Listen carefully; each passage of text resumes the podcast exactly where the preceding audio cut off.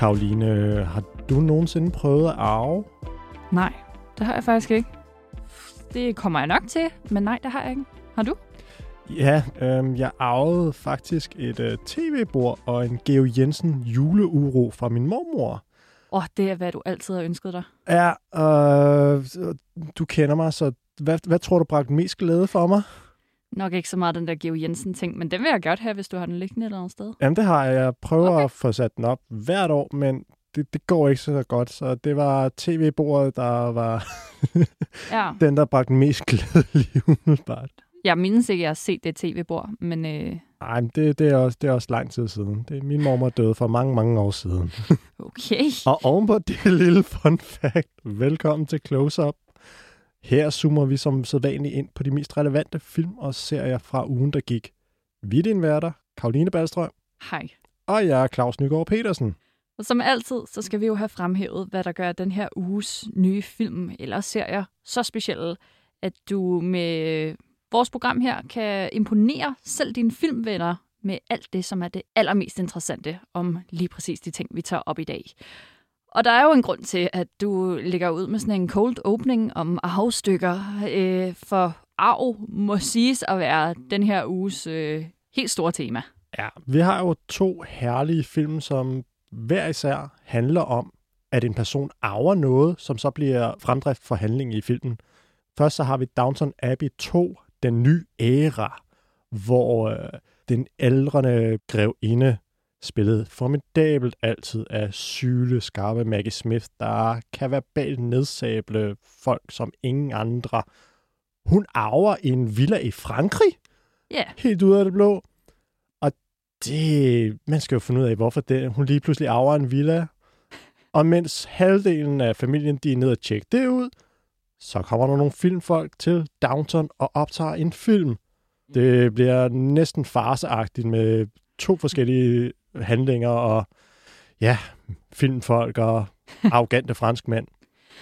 Og derudover så har vi øh, en anden chokeret arving, der ikke lige øh, havde set det komme. Den her gang er det med dansk hovedrolle, nemlig Anders Madsen, anden, der i Toscana, den første danske Netflix-film, arver en øh, småfaldfærdig gammel restaurantruin i Toscana, øh, Øh, som hans far har efterladt ham. Og Anders Madsen, han er ikke bare hvem som helst. Han er nemlig en øh, prisvindende kok. Og han har jo i virkeligheden lært alt fra faren og komme ned og se på den her arv i Toscana. Det vækker en masse gamle minder og følelser frem.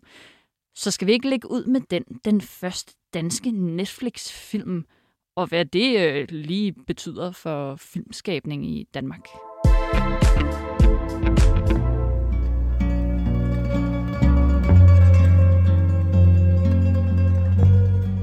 Som du sagde før, Karoline, så handler Toscana, den første danske Netflix original film, om en kok, spillet af Anders Madsen, som arver en faldefærdig restaurant i Toscana efter sin far, som nylig er det gået bort. Der er nogle daddy issues med far og søn, som ikke helt har kunne kommunikere ordentligt igennem årene, som selvfølgelig præger den stakkels anden den dag i dag.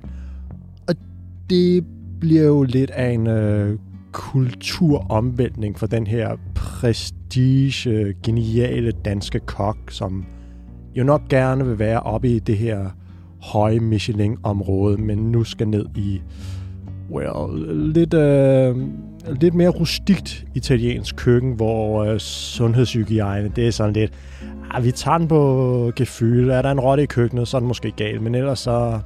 Ja, den øh, får den sure smiley herfra, det køkken i Toscana. Øhm, den kan mange ting, den her film. Det er både en øh, romance-movie, for når øh, man tager ned under de sydlige himmelstrøg, så begynder der jo at ske ting inde i hovedet og inde i hjertet på en, når man møder nogle af de søde lokale. Men det er også øh, klart en familiedrama, og så er det øh, ja, Instagram-cooking, når det er aller, allerbedst. Der er rigtig meget fokus på maden, som ser lækker ud og ikke altid ligner noget, man måske vil blive mæt af. Men det kan jo være, at øh, den her fine, OCD-agtige kok. Han kan komme på lidt øh, bedre tanker og måske få hjertet lidt med i sin madlavning, hvis han nu bare lige får et øh, ordentligt sprøjt toskana ind under huden. Theodal, your father has passed three weeks ago. Your father leaves behind a rather large estate. Står du, arver Bristonki, Ja, det kan godt være. Jeg skal ikke have noget for ham. og det gør dig lykkelig. Du forstår det ikke. Men selv exceptionelle mennesker har brug for at være lykkelige. Jeg er lykkelig. Du er så vred. This is Italy, my friend. Look around. Enjoy. You're Tiogal. Sofia. Sofia, she basically grew up in the Castello. What are you doing here? Processing. This is not for analyzing. This is for feeling. Ja, hvad vi hører her er øh, Anders Madsen i rollen som kokken Theo, eller Theo, der øh, taler med to ret centrale kvinder i løbet af det her lille trailerklip. Først så hører vi fra hans mor, spillet af Gita Nørby, som tydeligvis har et meget afsluttet forhold til øh, Theos nu afdøde far. De har klart ikke set hinanden i mange, mange år, fordi nyheden om farens død, det er ikke noget, vi i hvert fald ser, hun tager synderligt tungt. Øh, hun prøver at opmuntre ham lidt til sådan, "Ah, gå nu ned og se det her øh, gamle fældefærdige øh, slot anden, og, og se om du kan, kan bruge din fars arv til noget, for han har sgu ikke fået særlig meget fra sin far før i tiden. Der er tydeligvis noget med, at forældrene er splittet op, i, da Theo havde en meget øh, ung alder, for, øh, for ja, han er godt bitter på faren og hans manglende tilstedeværelse i løbet af hans liv. Så moren, hun må ligesom lige pushe ham. Og i det han så tager afsted, så går det jo hverken værre eller bedre, end at han møder Sofia, som er tjener og ret skød kok på restauranten. Og hun, ligesom moren, øh, prøver ligesom på at appellere til en, en mere blød og åben side af hans sind, som han klart har skjult bag en masse vrede for sin øh, manglende faderfigur. Mm. Og der er lige den ekstra krølle på halen, at i takt med, at man godt kan se, at Theo han begynder at øh, få lidt øh, følelser. Han kigger i hvert fald meget langt efter Sofia, øh, meget hurtigt. Hun skal jo giftes. Ja. Det er jo en god, rigtig god deadline at have. Ja. Enten så skal du nå at få krogen i nogen, inden de siger ja, eller også så må du opgive for evigt. Det kan vi godt lide. Det kan vi godt lide, og ikke alene skal hun giftes, hun skal giftes med ham, som er øh, executor af farens øh, arv af det her øh, estate. Han er advokaten, som bestyrer det hele. Og det, det, ligger næsten op til, at der kunne være en lille, øh, en lille, lille had, hvis øh, man nu lige pludselig finder ud af, at øh, ham der, der lige, der lige er kommet ned til byen og siger, nu skal jeg arve min fars ting, jeg napper også lige din dame. Men jeg kunne godt have en forventning om, at der skete et eller andet der også. Det her er en film instrueret af Media Vass, som er en meget, meget interessant øh, instruktør, vi er heldige nok til at have her i Danmark. Uh, han har jo øh, de sidste par år lavet en del film sammen med øh, sine brødre. Mm. De øh, har blandt andet lavet Mens vi lever, en super flot dramafilm. Og derudover så har de også øh, haft Kollision Mm. og en tv-serie for nylig på TV2, der hedder Alpha, som også helt klart viser, at de her øh, Avars-brødre, de har øje for det visuelle. Mm. De er super lækre, de ting, de, øh, de brødre, de altså nærmest spytter ud. Og øh, Toscana er jo heller ikke nogen undtagelse. Der er et skønt italiensk sceneri. Ofte badet i sådan nogle lidt sådan impressionistiske lyselilla farver. Det slog mig ret mange gange, at de har et eller andet med noget... Der er noget lillat over den her film. Hvad mener du med impressionistisk lyslilla? Jamen, det er sådan noget med, at skyggerne er aldrig... Øh, de, de er ikke sådan helt mørke. Der er altid noget sådan lidt farve at, at hente. Det, der er sådan lidt en disen tåge over Mm. alt, men Ja, er det sådan et, øh, lidt øh, kærlighedsdrømmeagtigt filter? Men... ja, på en måde lidt, ikke? Altså, det er sådan noget, du har lige gnidet dig i øjnene, og i det, du åbner dem første gang igen, så er alting sådan lidt blurry, men sådan, wow. og det passer også ret fint til den super lækre mad. Igen, noget, der ser rigtig dejligt ud fra Avas. Den lækre mad, som Theo, han øh, er mester til Mm. at lave. Altså, jeg føler seriøst, at jeg sidder på Instagram, en eller anden account, og scroller Men det minder mig også en smule om øh, Nikolaj Costa-Valdavs Smagen af sult, mm. som jo dårligt nok er øh, et halvt år gammel. Hvad er det, vi er ude på et år siden, eller sådan noget, den kom lige ungefær? En virkelig øh, lækker film. Det er æstetik helt op i den øh, store smagspalette. Maden, du kan næsten smage den på lærredet eller skærmen, hvor du nu ser den. Fordi det er så indbydende, der er noget minutiøs tilberedning, hvor der virkelig er kælet for nogle detaljer. Og det er jo også en film, der handler om en kok. Mm. og kærlighed. Og det med at åbne en ny restaurant. Så ja, det, det synes jeg er ballsy at lægge to så ens film så tæt på hinanden. Men øh, så er det jo heldigt, at den her den er på streaming og ikke i biograferne. Ja, det er jo overraskende, fordi det er jo indtil for en måned siden, så tror jeg, alle havde regnet med, at Toscana, det var en øh, biograffilm, men så lige pludselig ud af det blå, så dukker der en annoncering op fra Netflix, at nu kommer Toscana her i den 18. maj. Tillykke Danmark. Mm. Det, det er ganske usædvanligt i en dansk sammenhæng. Det tror jeg er første gang, at en film er røget direkte på Netflix, efter at have været tænkt som biograffilm. Når du siger det, så er det jo også øh, noget, der får mig til at tænke på, at når man siger direkte til streaming, altså vi skipper biografen, så er det jo ikke et godt signal. Det er det bare ikke det er noget, man har haft sådan en tv-film. Det er heller ikke super godt, at du regner simpelthen med, at den kan trække nok folk ud af deres stuer, men øh, en lørdag aften vil folk nok godt tænde for den derhjemme. Mm. Det er ikke noget øh, sådan selvsikkert signal at sende. Nej, der er jo ligesom en forskel i, hvis vi for eksempel kigger på nogle andre Netflix-film, som de er annonceret lang tid i foran. Hvis vi tager en Roma for eksempel. Prestige-projekt, som de var meget lang tid om at forklare, at den her, den kommer, den kommer, den kommer. Her har lidt, I kan se fra den. Modsætning til Toscana, som bliver kort sagt dumpet på Netflix. Mm. Det er noget, man har tidligere har set, for eksempel med Alex Garland, sci-fi-instruktøren. Hans øh, anden film, Annihilation, den fik et lille run i USA på en uge eller to, og så blev den ellers bare dumpet på Netflix, fordi studiet bag, de mente ikke, at de kunne få deres penge hjem ved at køre den i biograferne. Den er også flippet. Øh, den er flippet, men den er fantastisk. den er super fed, det ikke det. men, øh, men det er jo ærgerligt, fordi når man, altså, ligesom Alex Garland der, det kom jo bag på ham, mm. at det her ikke var en film, altså Annihilation, som skulle opleves på et stort lærred. Den var lavet. Den var filmet til, at det skulle være bredt og stort mm. og højt. Og Toscana har også super flotte billeder i sig. Altså igen det her sceneri, og der er tydeligvis penge bag den her produktion. Altså mm. det, det er rigtig flot håndværk. Det ser skide godt ud. Det kunne jeg også godt have, have ondt, at den så havde fået et biografliv. Ja, ja, nu kalder vi jo den der restaurant, som han har vi kalder den faldefærdig. Det, I kontekst, det er stadig en fucking flot italiensk øh, villa slotagtig ting. Øh, smagen af Toscana, det er ikke en pon, jeg laver med vilje, det er bare den følelse, du får. Hvis du skulle øh, lave Toscana bare med et billede, vil du så ikke have den der gård i baggrunden mm. med lidt oliventræer ude i siden, og så en øh, god aftensol, der lige steger ind. Altså det eneste, der jo ser øh, sådan lidt forkert ud og skærer i øjnene, det er jo så Anders Mattesens meget nordiske øh, mandsperson, der, der vandrer sådan rimelig skeptisk omkring i de der olivenplantager. For han er jo ikke, ja, han er jo ikke super glad for at være der. Han er i gang med at åbne en ny restaurant hjemme i Danmark, og lige pludselig så skal han ned og tage sig af det her bro. Mm.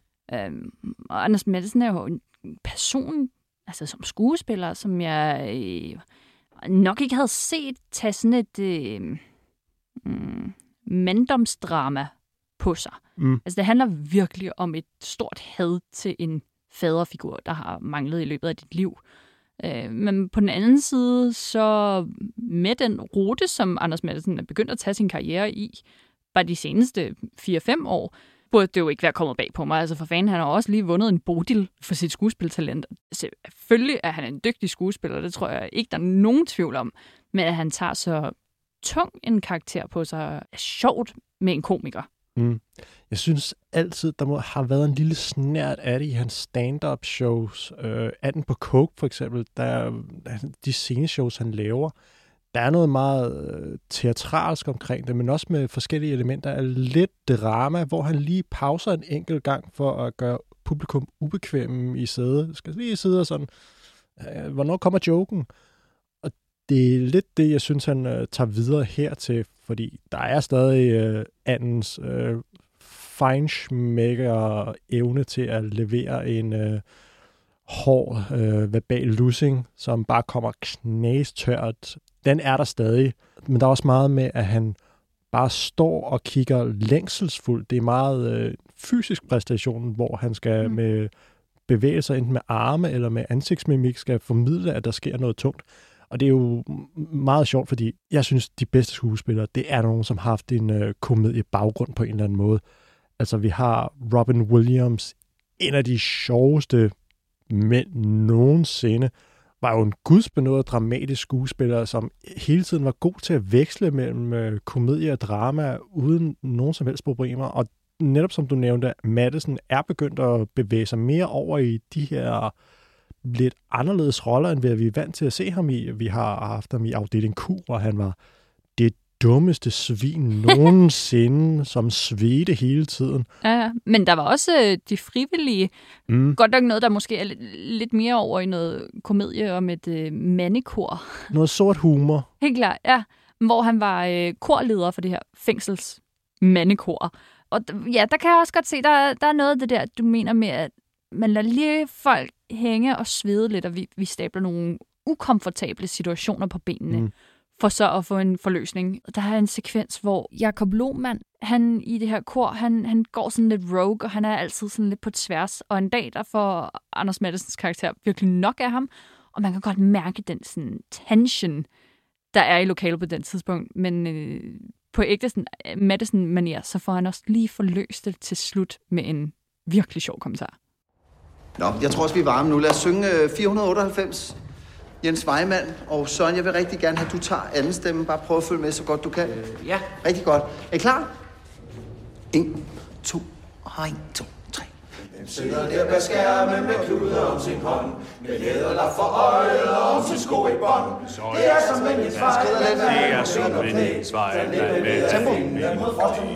Der er næppe ved at finde mod frosten mere ædelhed.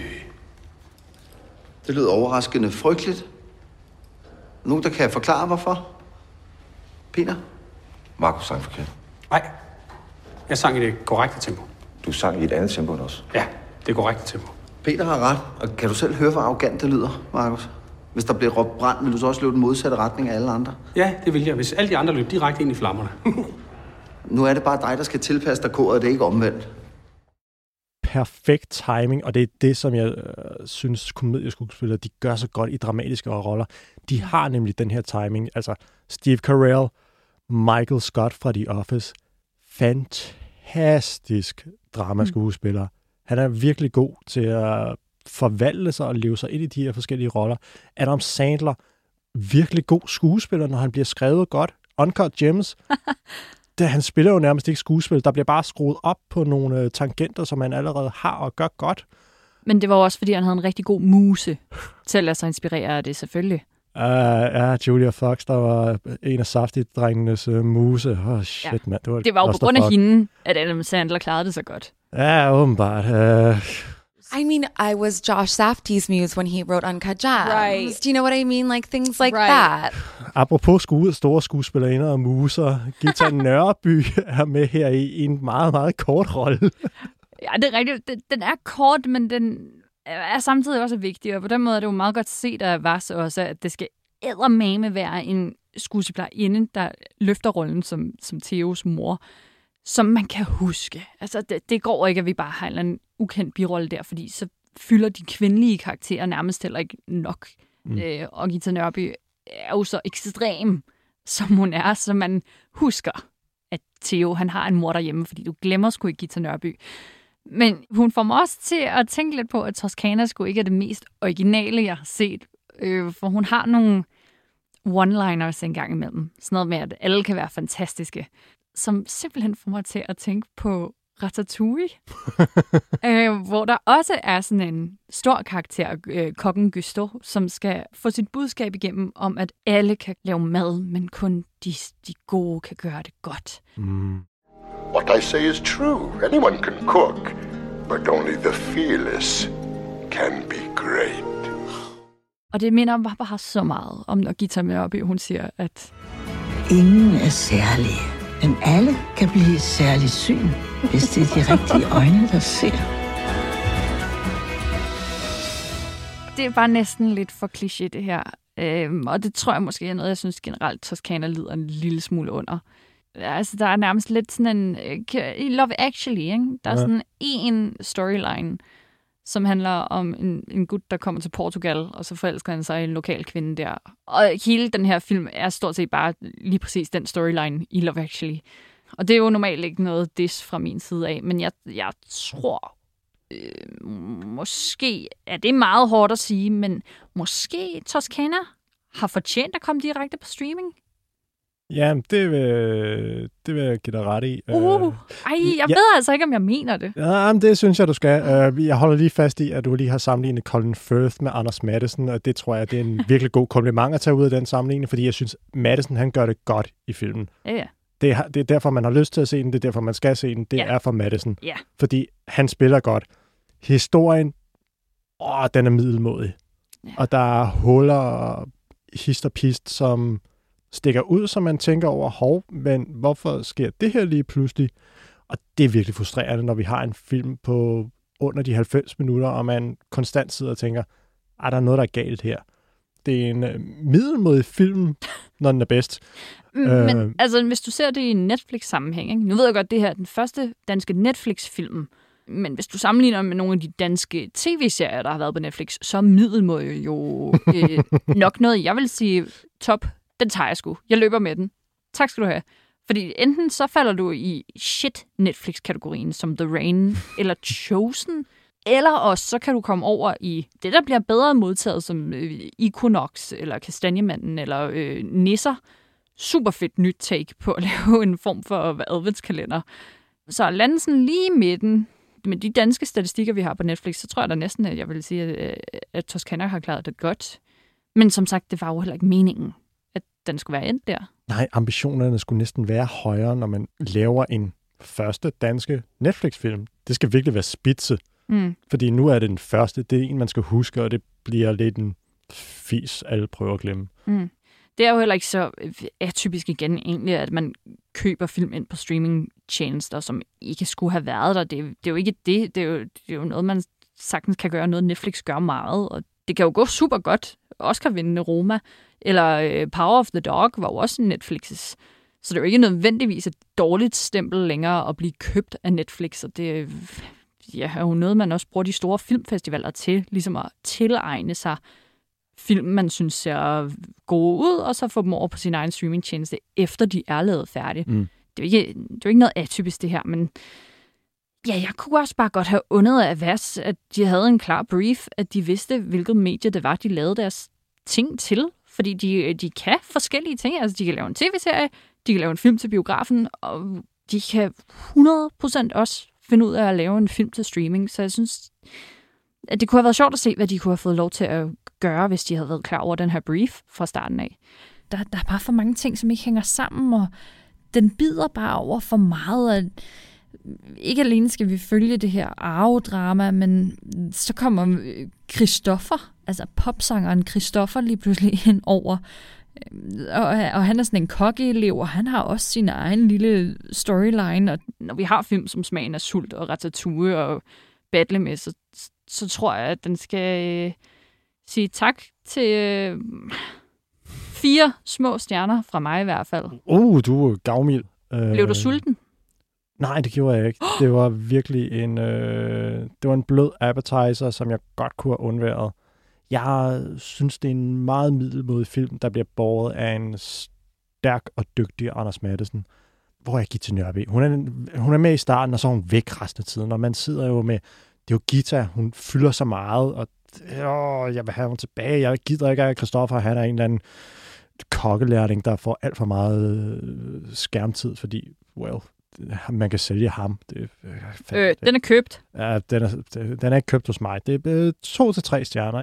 Man skal se den, hvis man er nysgerrig på, hvad Anders Madsen kan gøre, eller man er sindssygt stor Christoffer-fan. Han er bedst, når han ikke siger noget, og han siger næsten ikke noget i den her film, udover, se, jeg har lavet en panna cotta med rosmarin. Ah, det er, øh, nej. Der er en masse ting, du har at lære, når vi er færdige her i dag. Og så øh, synes jeg, vi skal hoppe videre til den næste arv, som er den Maggie Smith, hun lige pludselig får på nakken i Downton Abbey 2, A New Era.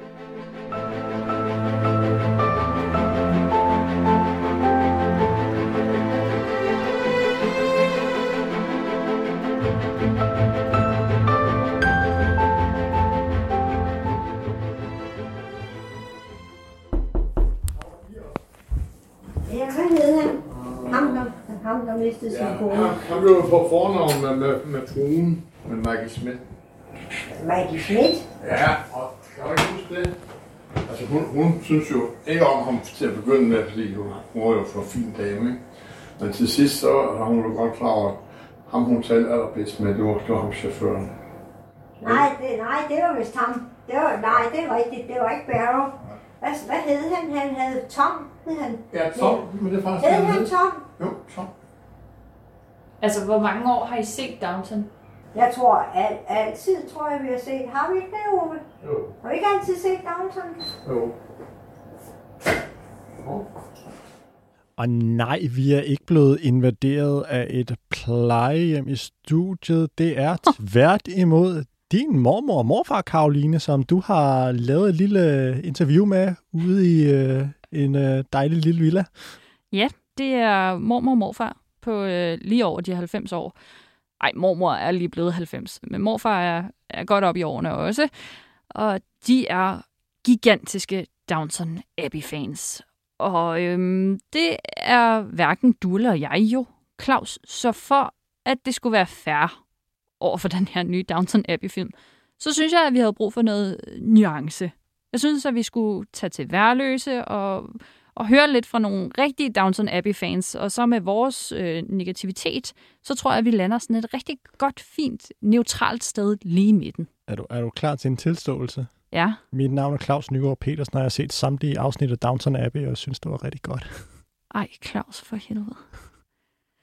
Okay. Så er det bare mig, der skal...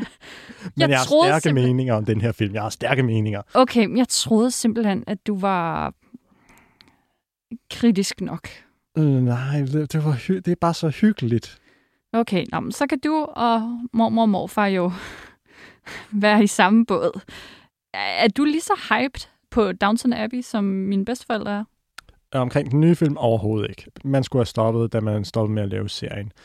Man har lavet to film nu. Vi er i gang med en anden, Downton Abbey 2, en ny æra, hvor vi er, der er sket et tidsspring. Vi er lige på grænsen til 1930'erne.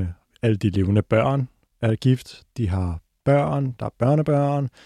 Det er meget hyggeligt. Alt går mere eller mindre, som det skal på Downton. The Dowager Countess, Maggie Smiths fantastiske karakter, er også kommet lidt op i årene. Hun har arvet en villa nede i Frankrig, og det er det, der bliver primus motor for handlingen. Det, som driver den frem i starten, det er, øh, hvorfor har vi lige pludselig fået en villa nede i Sydfrankrig? Øh, ja, det chokerer jo alle på Downton, da øh, Maggie Smith pludselig får besked på, at øh, jamen, hun har en, en villa, der står dernede, og ingen kan rigtig finde ud af, hvorfor hun har det. Mm. Øh, for ja, hun er jo oppe i årene, og som man jo nok bedst kan lide at tænke på sine ældre i familien, så øh, har de ikke særlig meget romance, og bestemt ikke noget sexliv at gøre godt af, så det kan jo, det kan jo ikke have noget at gøre med hendes vilde ungdom. Vel, det har vel ikke noget at gøre med en hemmelig forelskelse og en hed affære en enkelt sommer for øh, mere end 80 år siden. Men øh, ja, det, det kan godt være, der, der er noget der alligevel. Og samtidig så er der jo altid pengeproblemer på Downton. Nu skal taget udskiftes. Det er fuldstændig faldefærdigt. Heldigvis så er der nogle filmfolk fra London, der gerne vil låne Downton til at optage en ny film. Altså som en slags location. Præcis. Og det får man jo penge for sådan noget der. Ja, så hvis nu halvdelen af familien kunne øh, ligesom øh, gøre lidt plads og tage til Frankrig for at tjekke den her arv ud, så hvis vi nu tog de mest skeptiske i flokken og sendte dem afsted til Frankrig, så var de der jo ikke rigtigt til at se, at øh, nu går det altså op i hatter og briller, og nu lukker vi sminkede filmfolk ind i det allerhelligste på Downton Abbey. Have you told them, Lady Grantham? She's told us nothing. Do sit down. I've come into possession of a villa in the south of France. What villa? Start at the beginning. Years ago, before you were born, I met a man. They spend a few days together and he gives her a house. You never thought to turn it down? Do I look as if I'd turned down a villa in the south of France? Telephone call for you, my lord. Mr. Barber is a producer and director. He wants to make a film at Downton. A moving picture at Downton. Cut! Cut! Sorry. The modern world comes to Downton. Det hele bunder jo i, at Maggie Smith, hun har øh, haft et eller andet mærkeligt forhold til den her mand, som pludselig har efterladt familien et, et stort hus i det sydlige Frankrig. Og øh, jeg tog, øh, som sagt, til Værløse i min mor og morfars villa, og spurgte dem om, øh, hvordan de nu lige kunne hænge sammen. Fordi jeg troede jo, at Maggie Smiths karakter, altså overhovedet, oldemoren i familien, at hun var sådan en ordentlig pæn pige. Men øh, jeg, jeg fik faktisk lige øh, en lille reminder om, at man i løbet af Downton Abbey tv-serien faktisk får ret meget at vide, at øh, Maggie Smith har været alt andet end kedelig. Men først begik jeg jo en fejl, Claus. Åh, oh, hvad gjorde du? Øh, jeg bad dem, altså mormor og morfar, om et, et kort lille recap, til hvis vi nu skulle have nogle lyttere, der ikke, der ikke lige kunne huske, hvordan det var, det hang sammen med Maggie Smiths karakter, altså hvem hun er i Downton. Så først kan du lige nyde et godt minuts tid af mormor og morfar, der prøver at forklare mig, hvem det nu er, Maggie Smith er. Og jeg synes, det er et, øh, et ret godt billede på, hvordan jeg har det, når jeg skal prøve at følge med i Downton, fordi det her, det er simpelthen så kringlet, at jeg, jeg kan slet ikke holde det ud. Det er, er, er, de, er de kusiner? Uh, ja. Um, Altså bedstemoren. ja. Er bedstemoren kusine? Til hende, der bor i London. Du ved godt, der er en tante, der bor Nå, nej, det er ikke, de er ikke kusiner. De er, det er hendes datter. Nå, nej, Hende, der det- bor nej, i det er- London, det er hendes det, datter. er, det er hans mor der, uh, som hun bliver gift Ja. med Mary. Hans mor er kusine til. Nej, det er altså... Er i hvert fald det jeg familie. ikke. De er familie. Jamen, jeg tror, det var... Jeg tror, De det skændes var, altid, de to gamle. Ove, jeg tror nok, at det var... Det var en korte forklaring. Ja, det var den korte forklaring. Øh, det her er seriøst den samme følelse, jeg får, når jeg skal prøve at forstå sådan familierelationer. Altså, du bare siger sådan, det her er din tantes søster eller sådan noget. Så har jeg brug for et, et familietræ foran mig, før jeg overhovedet kan overskue, hvad det betyder. For jeg ved ikke engang, hvad min tante er. Jeg kan ikke sådan nogle der regler for, at... Og, så din onkels kone, er hun min tante? Uh, Moster? Du, du er ikke familie med hende jeg kan ikke sådan noget her, og du skal kunne sådan noget her, hvis du skal kunne nyde Downton, føler jeg. Men åbenbart så nyder du jo Downton. Du har ikke noget problem med det her.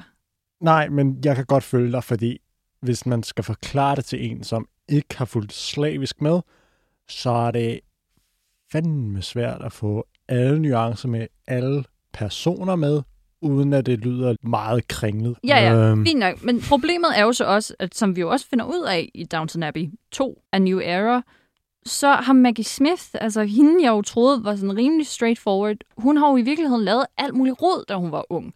Og ja, det prøvede mor og morfar så også at forklare mig om, men faktisk så har de de har faktisk fat i noget den her gang. De snakker ikke bare om familierelationer, som jeg alligevel ikke fatter.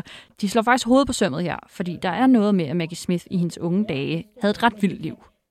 også godt, altså bedstemoren, det er jo bedstemorens mand, der har haft Downtown Abbey fra begyndelsen, ikke? Hun bliver jo gift med, hun bliver jo gift med ham, der ejer Downtown Abbey. Og der er det jo, Maggie at Smith. hun... Ja, nej, jeg vil lige Jo. ikke Maggie Smith om. Hun, Det var Marcus Schmidt, der var gift med ham, der havde Downton Abbey. Så dør han, og så er det Marcus Schmidts søn, der overtager. ja, ja. Og i den, den tid, inden hun fik sønnen, Ja. der havde hun jo den affære med ham, russeren. Men ja, ja. Som kommer og tilbyder sig. en gammel zar, han er så. En fra zarfamilien, som hun har haft en affære med. Maggie Smith, din lille skænk. Ja, det er fair nok. Det er fair nok, fordi ikke alene, så øh, havde Maggie Smith en mand, øh, som er far til, til ham, der ligesom øh, ejer Downton nu. Øh, hun havde også en affære med en russisk sarlignende type, og så havde hun en vildhed fransk sommer med den mand, som nu har efterladt hele familien en stor villa. Ej, altså. Det er okay. Det, er, det, det, det var en anden tid. Mm. ja, øh, det, er jo, det er jo egentlig ret fedt at, at have sådan en Hollywood royalty, som Maggie Smith jo er, øh, skulle tænke tilbage på sin ungdom og skulle rødme lidt over, at øh, alle hendes librige øh, hemmeligheder, de kommer ud i lyset, fordi du bliver nødt til at forklare dig selv, når du mm. får en, en hel villa. Men altså, Maggie Smiths tilstedeværelse på Downton er jo ikke det eneste Hollywood-glamour, som øh, de vægge, de ser. Fordi der kommer jo det her Hollywood-filmsæt til Downton, som skal optage. Og der er i hvert fald ikke nogen tvivl om, hvordan vi burde føle omkring Downton, når vi ser det. Der kører altid den her store titelmelodi, når vi ser bygningen i sådan nogle store etableringsskud. Men der kører virkelig også nogle violiner, når vi skal forstå, at øh, Hollywood er bare den største drøm nogensinde, og at alle på Downton burde være lykkelige over den her mulighed for at se film tæt på.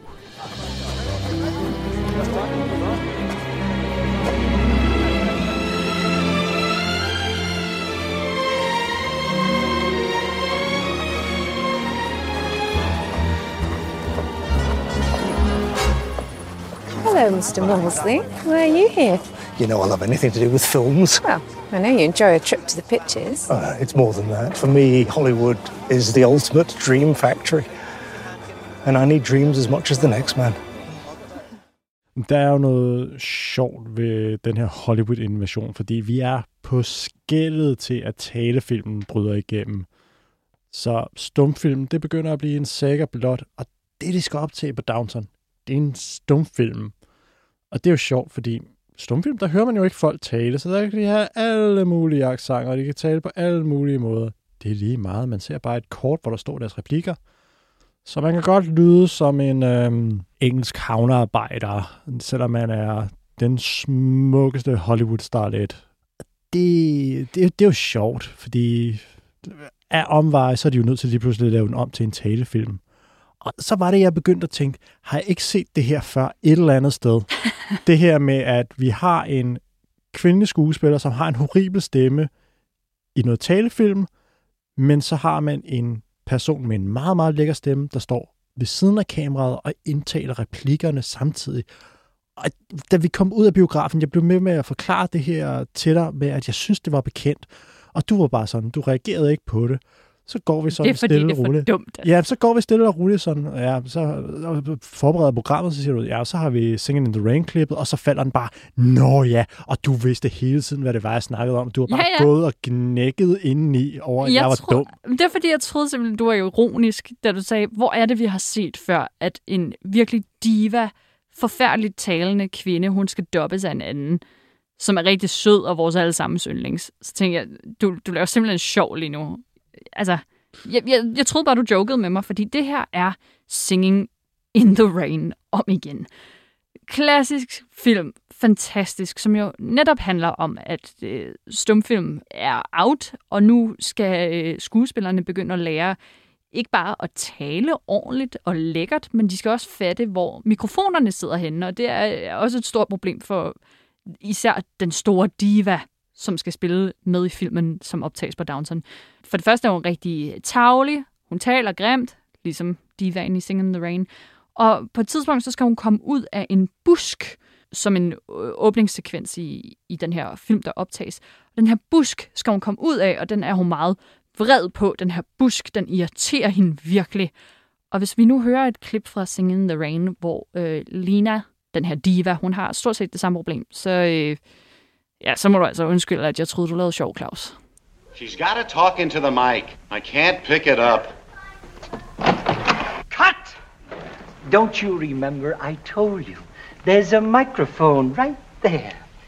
In the bush. Yeah. You have to talk into it. Okay, again. Quiet! Roll 'em! Shouldn't have flirting with dangerous. Surely find you out. Cut! Lena, we're missing every other word. You've got to talk into the mic. Well, I can't make love to a bush. All right, all right. Nej. Lena fra Sing in the Rain, hun kan ikke finde ud af det her. Det er jo også øh, rimelig omvæltende og totalt ny teknologi og sådan noget, men hun kan ikke holde ud, at hun skal dele med den her busk, hvor hendes mikrofon er gemt inde i. Og divaen på Downton Abbey kan heller ikke finde ud af, at hun skal forholde sig til den her busk, og at hun skal tale ind i mikrofonen. Mm. Mm. Det, det, det dækker jo også noget over noget usikkerhed med, at øh, de, de ved måske godt, at deres stemme ikke lyder fantastisk, og hvilken karriere har man sådan, når der lige pludselig kommer talefilm? Men jeg tænker også, altså, hvilken karriere kunne alle de her dejlige britiske skuespillere ikke også have, hvis de bare engang for alle slap ideen om at lave flere Downton Abbey-film? De kan udfolde sig på alle mulige fantastiske måder, men nej, nej. Der er jo nogle af dem, der har prøvet, og det går ikke skide godt. Michelle Dockery, der spiller Lady Mary, har medvirket i nogle amerikanske tv-serier, som ikke særlig mange mennesker har set, og som ikke er mere en amerikansk metervare. Det er svært at komme ud af det, hvis man ikke er kendt i forvejen. Hugh Bonneville, som spiller Robert Crowley, ejeren af Downton Abbey. Han var en stor skuespiller, før han blev castet i den her rolle. Sammen med Maggie Smith, som også var en stor skuespiller, før hun blev castet i den her rolle. Når først man er blevet synonym med en rolle, så er det meget svært at smide den fra sig. Fordi folk har den her perception af, at du er Lady Mary, du er indsæt navn på, hvem end din yndlingskarakter i Downton Abbey er, som ikke er Maggie Smith. Men på den anden side, ikke, så kan de jo også bare fortsætte, hvad de har gang i. Fordi jeg kan godt høre, at de har jo fat i den lange ende med at lave de her film. Den første gik super godt i biografen, og der er die-hard fans, ligesom dig, åbenbart. Og i hvert fald, ligesom min mormor og morfar. Så de skal jo sgu nok trække billetter i biografen, men ja, jeg, jeg synes altså godt, man kunne byde sit publikum noget bedre. Jamen, det er, jo, det er jo en charmerende film. Det er slet ikke det. Du smiler hver gang Maggie Smith sviner en til. Og man bliver også lidt rørt en gang imellem, når ens øh, yndlingskarakter kommer ud fra et eller andet. Og det er jo lidt sjovt med sådan yndlingskarakter, fordi man kan jo se lidt af sig selv i øh, enkelte personer. Ja, ja. Det spurgte jeg da også mormor og morfar om, da jeg var ude hos dem. Ah, det er godt. jeg, spurgte dem faktisk specifikt om, hvem de selv mente, de var, men også hvem de troede, den anden var. Oh, shit. Hvis du var en fra Downton Abbey, hvem var du så? Åh, oh, jeg var nok ham, tjeneren Barrow. Altså ham, der, der er god ved børn, men man er også lidt lusket, ikke? Men, ja, ja, ja. Men, god ved børn, men også lidt lusket? ja, ja, det kunne jeg okay. godt se. Ja, sådan noget lidt rart. Han er egentlig en sympatisk fyr, men selvom han laver nogle, nogle dumme ting indimellem. Og så prøver vi lige at høre, hvad, øh, hvad mormor mener, om det altså er rigtigt. Hvis morfar var en... Ja, ja hvis... bliver du ved? Du bliver ved, for jeg skal ud og stege de frikadeller, jeg har formet dem. Hvis morfar var en karakter fra Downton, hvem ja. var han så? Øh, det, han, kunne, øh, han kunne godt være ham chaufføren, der giftede sig med, med hende, den okay. unge kvinde i huset. Fordi øh, han er omsorgsfuld, og det er Ove. Og kunne tale med alle mennesker. Ja. Det kan Ove også. Og finde ud af, han kan finde ud af ting. Hvis du var en fra Downton Abbey, hvem var du så? Det ville nok være en af dem, der arbejdede i køkkenet. ja, er du sikker på det? Ja, det, det tror jeg. Eller i vaskeriet. du ville ikke være sådan øh, konen, øh, sådan hende, der bestemte i huset? Nej, eller sådan? nej, nej, nej, nej, slet ikke, nej. Hvis mormor var en fra Downton Abbey, hvem var hun så? Du skal hun, være ærlig. Ja, men hun var, hun var fruen i huset. Okay.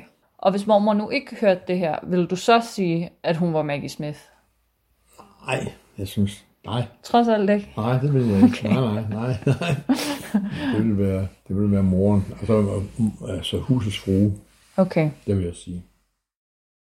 Nej, det er jo ikke altid sådan, at øh, hvem man selv mener, man er, øh, stemmer helt overens med, øh, med virkeligheden.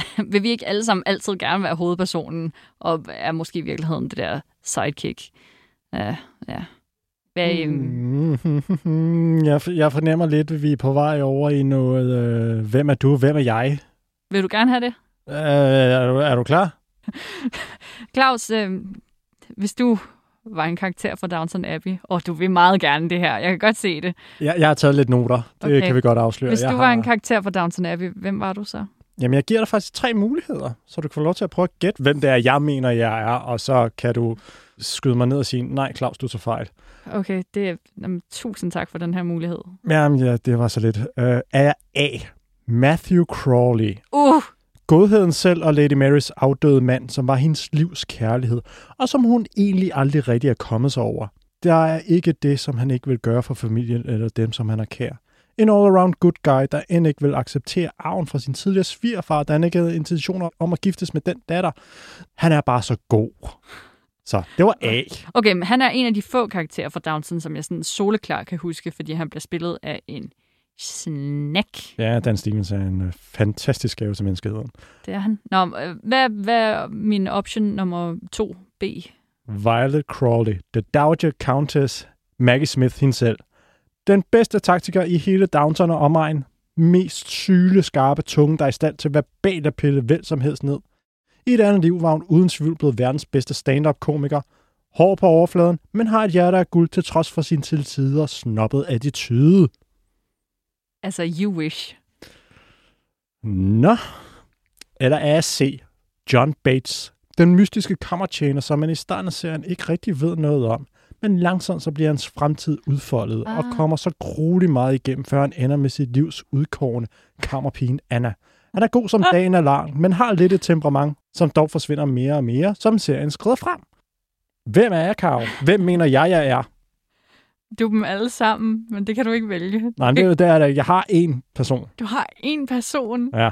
Altså, der er det med Dan Stevens karakter, altså nummer et, og noget familie. Og ja, jeg tror, altså det synes jeg også skinner meget godt igennem, at selvom at du kan arve fra din mormor, så nøjes du simpelthen med et tv-bord, du ikke engang bruger. Og hvad var det andet? Et eller andet fra Georg Jensen.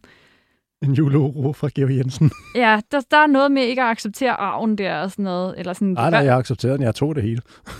Jamen, du kunne godt have været mere grådig, føler jeg. Og så er der Violet Crawley, Maggie Smith.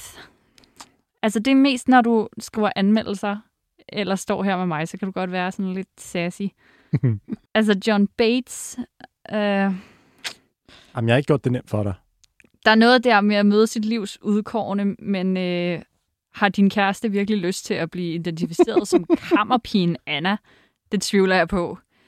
Øh, så jeg går med snacken Matthew Crawley. Er, er det korrekt? Nej, jeg er selvfølgelig uh, Maggie Smith. Ah, Claus. Jeg lader mig ikke begrænse af mit køn. Jeg er Nå, nej, nej, det var ikke vicious. så meget det. Det var bare... Jeg synes selv, jeg er mega sjov. Og det er jo det vigtigste. Nå. Øhm, Downton Abbey, A New Era. Det er jo for fanden bare Singing in the Rain en gang til. Jeg er ked af det. Kombineret med Toscana. Kombineret med Toscana, mærkeligt nok. Øhm, jeg, jeg, jeg har mest lyst til at give min morfar ordet, når det kommer til sådan dommen øh, af den her film på mine vegne, fordi jeg er sgu skeptisk. Jeg synes, det er at udvande noget, som skulle være stoppet for længst. Øh, men for fan, mormor og morfar glæder sig jo til at komme i biografen og se A New Era. Og det skal de skulle have lov til. Altså, det her er en film til dem, og ikke til mig. Øh, men som morfar også kommer ind på, så kunne jeg måske faktisk også godt have noget at lære af den her. Glæder du dig til at se den? Ja, det vil jeg gerne, fordi man, man er gensynsglæde. Den er i vores alder, der kan vi godt lide at gensyn med noget, som man kender. Okay. Så er man mere tryg, frem for noget vildt nyt, som det kan, det kan godt være, at vi synes, det, det er for vildt. Så den appellerer til vores aldersklasse. Ja. Den vil jeg gerne se. Det vil jeg godt se. Vil jeg gerne se den? Jeg vil gerne se den. Men hvad ja. med mig? Du har da ret godt af det. Ja, hvorfor ikke? Så det kan være, at du synes bedre om den, når den er mere moderne, fordi det er den jo. Den, er, Uh. den er jo up to date. Ja, jeg vil faktisk sige, at han har fat i noget her, Ove, på over de 90. At, at der er noget i, at vi får lov til at se sådan en filmsæt og sådan noget. Det gør det lidt mere til at holde ud for mig. Fordi det ikke bare handler om lange middage og folk, der skal sidde og have interne stridigheder og kusiner, jeg ikke kan huske eksisterer og sådan noget. Der er noget ved at få sådan et helt filmsæt ind ad døren og skulle se dem øh, lege rundt i de øh, lokaler, som vi kender i forvejen. Det gør, at jeg kan holde det ud. Og det er sgu da super meta-agtigt, fordi nu har vi et filmstudie, der indtager det her gamle Downton Palæ, men i virkeligheden har et filmstudie i virkeligheden jo også lidt indtaget palæet i løbet af hele den tid, man har lavet tv-serien. Så det er sådan en super flippet dobbeltting, at de afslører egentlig bare selv, hvordan de selv er gået ind i Downton og har lavet noget om Downton. Og nu gør de det i en film også. Det er bare sådan, what? Du virker meget entusiastisk omkring det her. Det lyder, Jamen, det lyder som om, fedt, det kunne du godt lide. Altså, sådan, det er et fedt koncept. Der, sådan, der ligger man bare kortene på bordet, og sådan, vi som tv-produktion har selv gået ind og har gjort det her. Og det har jo måske ikke altid været super fedt for dem, der ligesom er, er forvalter af stedet, men, men det er nu så engang sådan, det er blevet. Mm. Hvad synes du? Der er sådan lidt en... Øh, det er sidste gang, vi gør det her, så nu går vi bare... Lad det hele hænge ud og bare går fuldstændig amok. Jeg kan godt se, at det er lidt mere upscale end en øh, standard øh, tv-afsnit. Der er nogle, øh, jeg tror det må være droneskud eller øh, kranskud. Der er i hvert fald noget lækkert øh, filmet øh, på nogle landskaber og nogle sejlture med nogle både. Ja, som for fan altid skal etablere, hvor vi er. Men jeg kan altså godt se forskel på Sydfrankrig og på England. Altså, jeg har ikke brug for et stort, hvidt skud af Downton-bygningen til at vide, at hov, nu er vi tilbage til filmsættet. Jeg ved godt, det foregår i England og ikke i Frankrig. Og på den anden side, så har jeg ikke brug for at se en stor flot skud af, den franske riviera for at fatte, at ja, nu er vi i baghaven på det der franske hus, vi har arvet. Jeg kan godt huske det. Tak. Nå, du var i gang med at sige noget. Øhm, ja, jamen det er lidt pudsigt, fordi de skulle et eller andet sted til at stoppe nu. Det er det, man typisk gør med tv-serier. Så får de lige en, måske en ekstra film for lige at afslutte hele handlingen. Breaking Bad, der kom El Camino, som afsluttede Jessys historie. Sex and the City er lidt undtagelsen, fordi den fik to film, og så kom der den her redselsfulde serie sidste år, som nu kommer endnu en sæson af, selvom ingen har bedt om den, ud over Sarah Jessica Parker og en af de der skaber og HBO, fordi what the fuck, vi kan jo tjene nogle penge, men fuldstændig udvandet, hvad der gjorde det kreativt spændende i originalen. Rolig. Så det håber jeg Rolig. virkelig ikke sker her. Jeg håber, at de begrænser sig nu og enten laver en virkelig god afslutningsserie, som virkelig runder universet ordentligt af, eller stopper med at lave film, fordi det, det er ikke sjovt mere. Det, nu skal vi stoppe. Det er nu, vi skal stoppe. Det er en okay film, men den er ikke god nok til en berettige, at der kommer noget mere, medmindre man gør det virkelig exceptionelt, og går tilbage til tv-mediet, hvor man har tid til at fortælle de her lange historier, og have de her fantastiske intriger og middage. Jeg, jeg fucking elsker det. Må jeg spørge om noget, ikke? Ja. Ville det have været mere fair, hvis Downton var kommet direkte på streaming, som den tv-film, den nu engang er, og Toscana var kommet i biografen? Mm, nej, for jeg føler virkelig, at Downton Abbey 2, det er en eventaften. Det er der, hvor man gør sig klar, man tager måske noget pænt tøj på, man går ud, måske lige spiser en lille god middag, før man går ind og ser filmen. Jeg føler, at det er en biograffilm mere end Toscana. Ja. Ja, ja. Der må vi så være lidt uenige, men øh, heldigvis så øh, kan min kære mormor og morfar jo få en, øh, en god aften ude, når de så skal endelig ind og se Downton Abbey 2. Jeg ved, de glæder sig meget. Så tak til mormor Bente og morfar Ove, for vi øh, måtte have dem lidt med. Det var alt for den her omgang Close-Up. Jeg håber, at øh, vi ikke arver mere øh, lige for tiden, Claus. Ikke mere arv, tak. Nej, ikke mere af. Vi holder den her og øh, siger mange tak for den her gang. Vi glæder os til, at vi lyttes ved.